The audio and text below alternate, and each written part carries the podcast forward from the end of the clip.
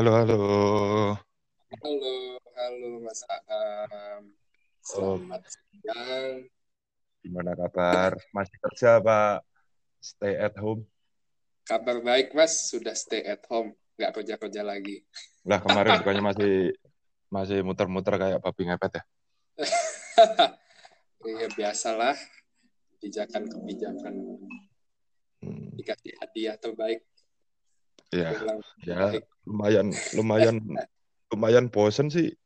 Udah sebulan setengah kali. Yes, sebulan jalan sebulan ini. Gua Di mulai aja. di rumah tanggal 11 Maret 11 Maret. Sekarang sudah 18 Maret, sebulan sebulan. 8, 18 April. Sebulan lebih kepotong dua eh, tiga hari ke Solo.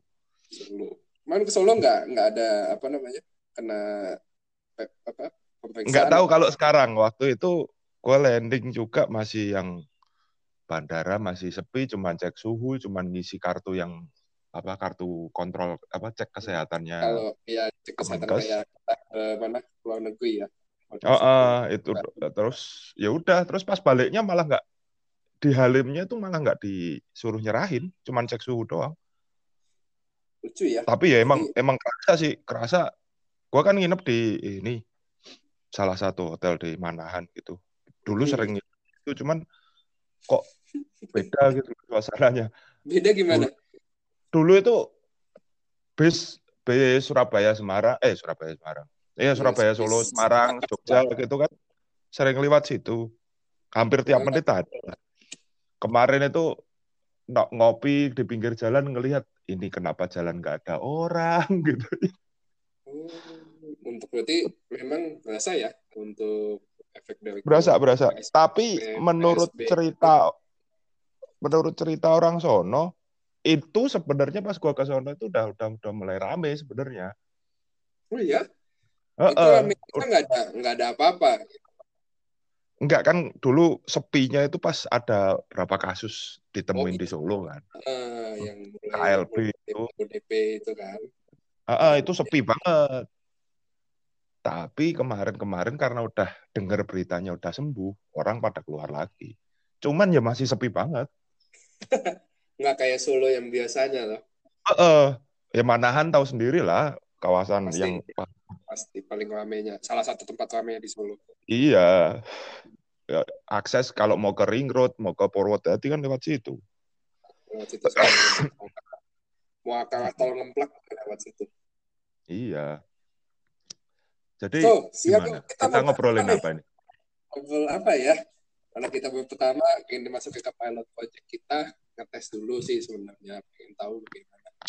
Iya, nanti kan juga hmm, nanti kan juga kalau misalnya ada yang dengerin, ada yang usul-usul kan kita Yes. bisa jadiin bahan buat berikutnya. jadi bahan ke depannya karena kita Oh, saat dadakan mengisi waktu luang di Sabtu siang ini sekiranya bahas apa ya? Kayaknya bahas paling awam awal dulu kali ya. oh, oh.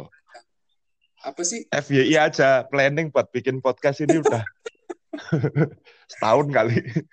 Enggak enggak tahu nah waktu zaman masih Iya tahun ini awal satu seri lah gua. awal tahun ini kali ya. Awal tahun ini apa akhir tahun kemarin gitu.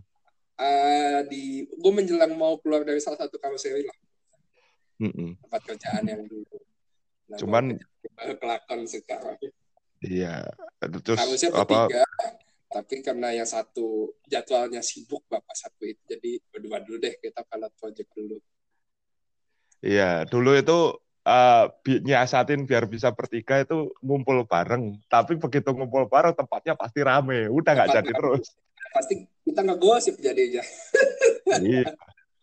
Ya, ini podcast awalnya ngomongin bis. Cuman Hmm. bisa jadi ngomongin suami orang, ngomongin istri orang.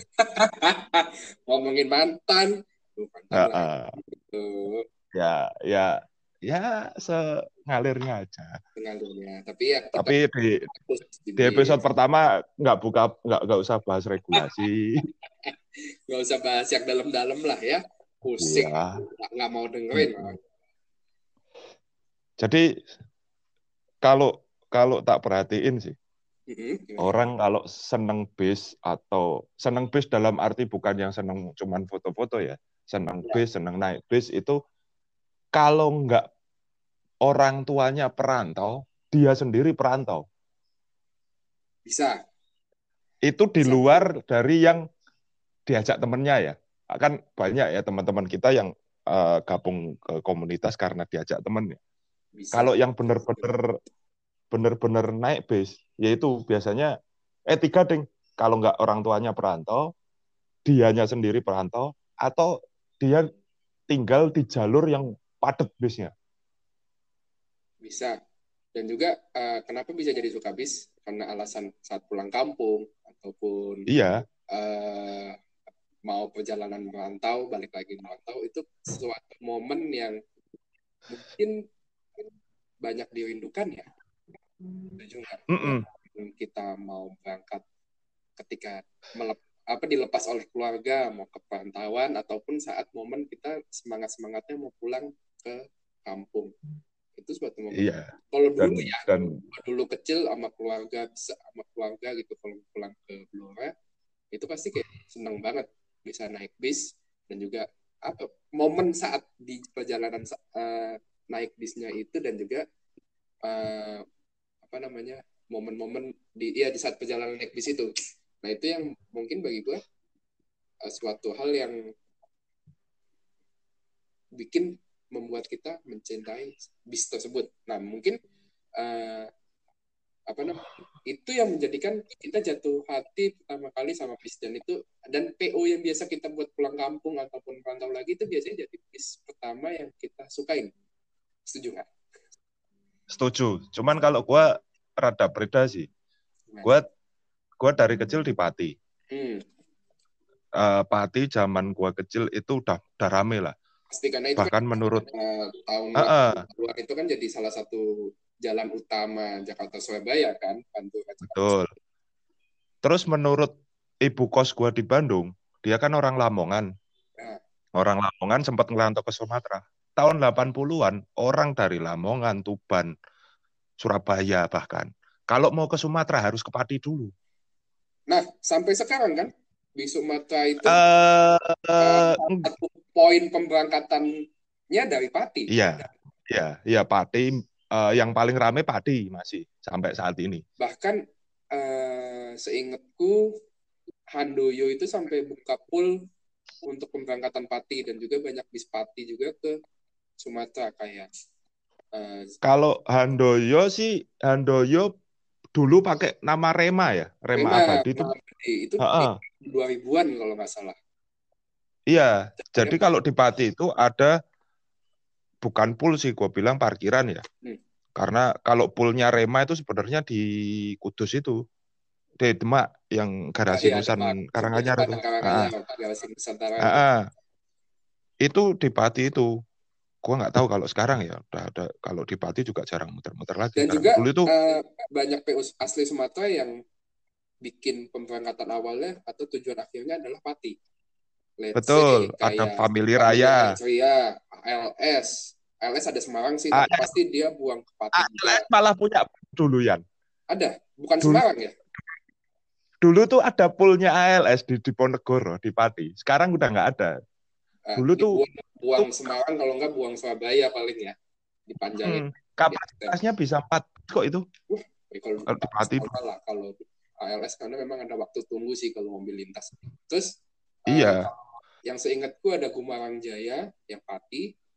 Selain itu Ada eh, Raya ALS. Terus banyak juga PO-PO Sumatera yang kecil-kecil yang nyoba peruntungan ke Pati. Oh PO-PO medium ya? Medium tuh dulu banyak ya. Medium medium bus kayak apa dulu ya? Arya Prima nyampe nggak sana? Arya Prima nyampe. Nyampe tapi gede dia. Pakai gede dia. Apalagi ya? Itu kalau bis-bis kecil itu dulu momen ketika eh, Lebaran. Bukan. Momen ketika solar naik, solarnya mahal, eh, biaya Hmm, ya, ya, naik, terusnya eh, permintaan apa pesawat masih murah dan permintaan untuk eh, bis itu masih kecil, eh sedikit. Jadi diakalin untuk ngakalin biaya penerbangan dan biaya solar, mereka pakai bis medium untuk perjalanan yang aku bilang, gue bilang sendiri itu sangat jauh dan sangat tidak nyaman. Itu bisa uh -uh. Jambi ke Pekanbaru ataupun ke daerah Pagar Alam. Itu yang di mana perjalanan kalau dari Pati itu lebih dari 36 jam satu hari satu. Iya, hari. terus ada sahabat juga sempat nyoba. Oh iya, dan juga PO asli Pati kan, kayak Selamat itu selamat itu justru yang rame malah Sumateranya. Terus ya Sawi Mustika, Sawi Mustika dulu bisa bagus-bagus. uh, jam awal-awal 2007 2008 pakai 1525 body-body Trisakti. Terus sumber harapan. Iya, jelas. Sumber harapan juga ada, tapi rata-rata kalau bis asli Pati atau bis asli Jawa Tengah dia tujuannya ke Muara Bungo, Bangko, Jambi.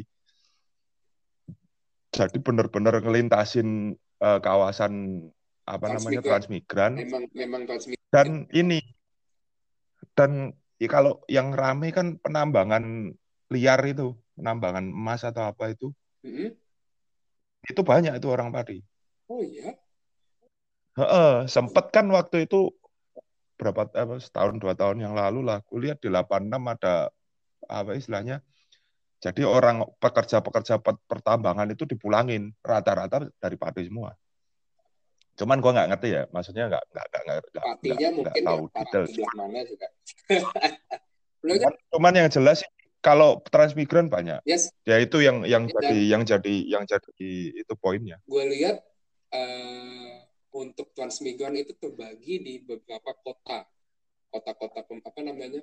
Kayak kalau daerah Pantura itu Pati. Terusnya daerah hmm. selatan itu Desragen, Ponorogo, sama Blitar. Itu sampai sekarang dan dari dulu sampai sekarang itu menjadi poin pemberangkatan uh, bis-bis Sumatera, bis-bis yang ke arah Sumatera dari Jawa. Selain kota Bandung seperti iya. kota besar seperti Bandung ataupun Jakarta ya. Tiga. Ya kalau Bandung Jakarta mah justru trafficnya kebalik dari dari Sumatera oh, yang ke Bandung atau Jakarta. Aku memang mau merantau ke Jakarta ya. Iya. Ya kalau gua dulu balik lagi ya, kalau waktu kecil dulu kan kalau Lebaran mudiknya ke Nganjuk. Iya.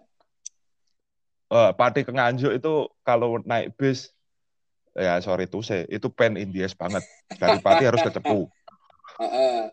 Dari Pati harus ke Cepu. Dari Cepu harus ke Ngawi. Ngawi. Pakai bis medium tuh. Nganjuk Nganjuk dari dari Ngawi apa dari dari Ngawi apa dari Cepu langsung? Eh dari dari Cepu Cepu nggak ada yang Cepu langsung Ngawi ya. Ngawi nggak ada yang langsung ke Nganjuk ya. Nggak ada. Kalau sekarang ada Bojonegoro Nganjuk. Uh, dulu belum ada. Tapi apa namanya nggak tahu sampai sekarang 2020 ya. Nggak tahu sih. Terakhir gue lewatin Bojonegoro Blora 2018 itu masih kayak ampun deh uh, jalanan iya. kacau banget walaupun udah mau dicor juga dan dan gue inget banget ya dulu itu pokoknya Pati Kecepu itu jarang banget bisnya yes. ada Ria ada Agung itu kalau nggak salah bis cuman terakhir-terakhir eh ada Patmo juga itu kan bis pagi Agung kan? terakhir Ambro bis pagi iya pagi, pagi. kalau emang jamnya nggak dapet ini yang ribet lagi jadi dari Pati ke Rembang, Rembang dulu, dulu. Rembang, naik Blora Cepu toh? Rembang ke Blora, Blora ke Cepu. Wah, Kenapa itu kebayang kan berempat. Solo dulu atau Surabaya dulu? Lebih jauh kah?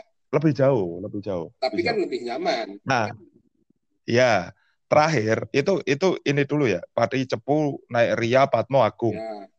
Cepu ke Ngawi naik Gunung Mas. Yang medium lah. Iya jelas medium. Uh -uh. Itu yang sekarang bikin karoseri itu Gunung Mas. Nah, kalau udah ngawi ke Nganjuk mah merem. Gampang. Zaman dulu. Zaman dulu apalagi vari, variatif banget ya. Surabaya Solo itu nggak cuman nggak cuman yang kita lihat sekarang. Ya karena apa ya, yang kita lihat sekarang itu kan ya bisa dibilang semacam persaingan yang sudah diatur. Aku nggak mau nyoblos, mm -mm. tapi sebenarnya persaingan yang sudah diatur. Dulu. Ya, ya namanya du duopoli dari dulu kan begitu. Ada Jaya Utama, ada juga. Dulu tuh Jaya Utama ada, Trigaya ada. Restu Surabaya Solo. Restu belum ada zaman segitu belum ya. Ada. Mandala, Mandala? Belum. Mandala udah ada. Hmm. Mandala cuman Mandala dihindarin karena image-nya nggak bener. Oh. Mandala waktu itu. Mandala hijau. Terus ya? ada hijau, ada Jaya Raya. Eh, Akas. Sampai, oh iya Akas juga. Akas zaman itu Jaya Utama, Saya Jawa Timur kan. Akas masih belum pecah ya itu. Akas Akas masih Akas doang. Akas doang. Eh, Juga ya, Mas. Akas, Jaya. Apa? Berarti Anda tua juga ya kalau Akas belum pecah. Nggak ingat. awal duluan.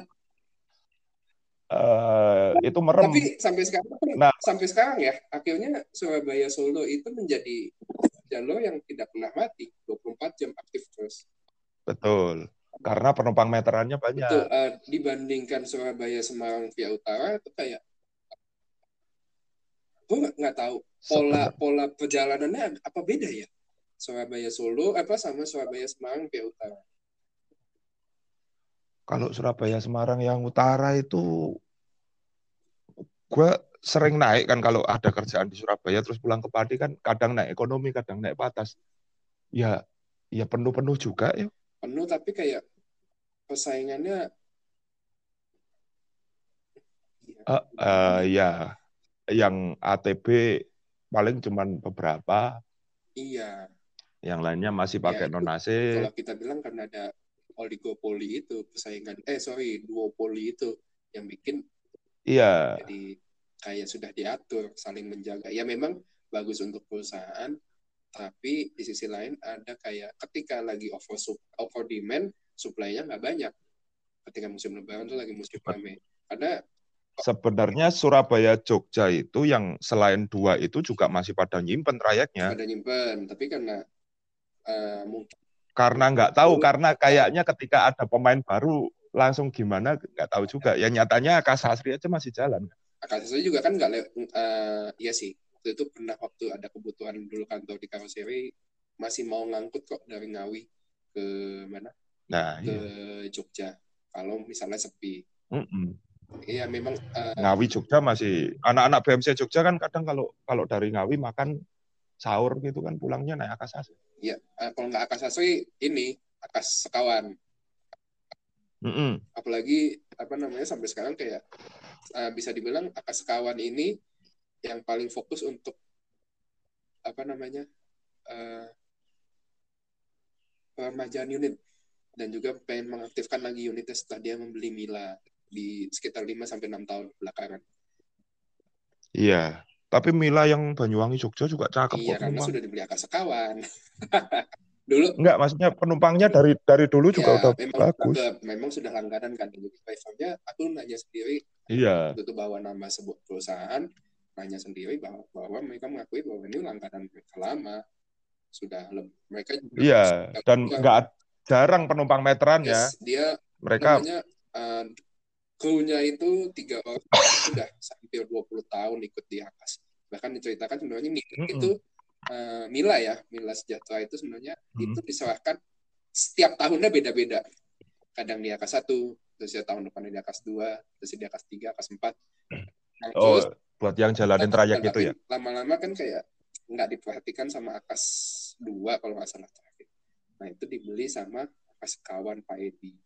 Jadinya saat ini Mila itu ikut di Akas 4 ini nggak tahu benar apa salah monggo diluruskan nanti. Iya. Ih, Dan dan makanya sumber Kencono eh, atau sekarang nama barunya entah apa Eh, itu. kita mau masuk ke situ. Yes karena apa ya, karena masih menguntungkan cakep. masih menguntungkan dan banyak eh, apa namanya penumpang batunya masih banyak penumpang jauh-jauhnya masih Oh, oh Jog Jogja Jembernya ba- bagus loh. tapi sebenarnya sumber kejauhan ini sampai sampai Cilacap kalau aku bilang ya. Iya, sumber sumber terakhir-terakhir bikin rutenya juga rada nggak masuk logika ya. Walaupun Bandungnya cakep ya. Bandung cakep kelihatannya mau diarahkan Bandung itu 24 jam non-stop eh, satu jam sekali headway jadi ada 48 Iya, kan. perjalanan satu hari berarti memang Nah, episode berikutnya kita bahas gosip-gosip. Besok-besok ya ya Kan. ya, ya. Nah, karena ini gos nggak tahu gosip apa fakta, 50 unit RN dan juga ada rencana sumber. untuk ekspansi ke rute baru tapi yang kita nggak tahu itu cuma gosip infonya udah ini nih kalau kemarin masih di perusahaan L itu info A1 tapi kalau sekarang udah susah ya infonya Enggak, justru justru kalau kalau kita sudah di luar perusahaan kita mau gosipin apa pun bebas selama nggak menyinggung. Ya, sangat menyinggung. Betul, betul. Walaupun ada info A1 yang kita terima, eh, sebenarnya ya FYI aja. Kita berdua banyak info A1, cuman selama ini emang kita nggak pernah komen. Nggak pernah mau nge sih, karena memang ada sebuah etika. Uh, uh, ya hanya orang-orang terbatas yang kalau nanya ke kita kita jawab, kalau enggak ya ya udah kita diem. Terbatas dan juga dalam kondisi tidak tertulis tidak dalam bentuk WhatsApp atau tidak bentuk telepon ketemu langsung. Paling enak ngegosip tuh sambil. Betul. Apalagi di FX ya, kangen saya. Oh, ngopi di FX itu pemandangannya Dewi Sri. Tebak pertama. 1626 dikasih discovery. Coba ceritain apa? Oh iya, itu Dewi Sri 1626 discovery. Misi 03. Nah, iya. Ya wes, eh, kayaknya udah kepanjangan karena kalau diterusin bisa tiga jam nggak berhenti ini. Boleh. Uh, kita kita tahan-tahan dulu. Uh, Feedbacknya. Kalau ada usulan mau bahas apa, ngomongin aja. Ya, insya Allah kalau dari hulu ke hilir kita bisa lah ngomonginnya, bisa walaupun nggak ya, kompeten amat. uh, masukan-masukan juga.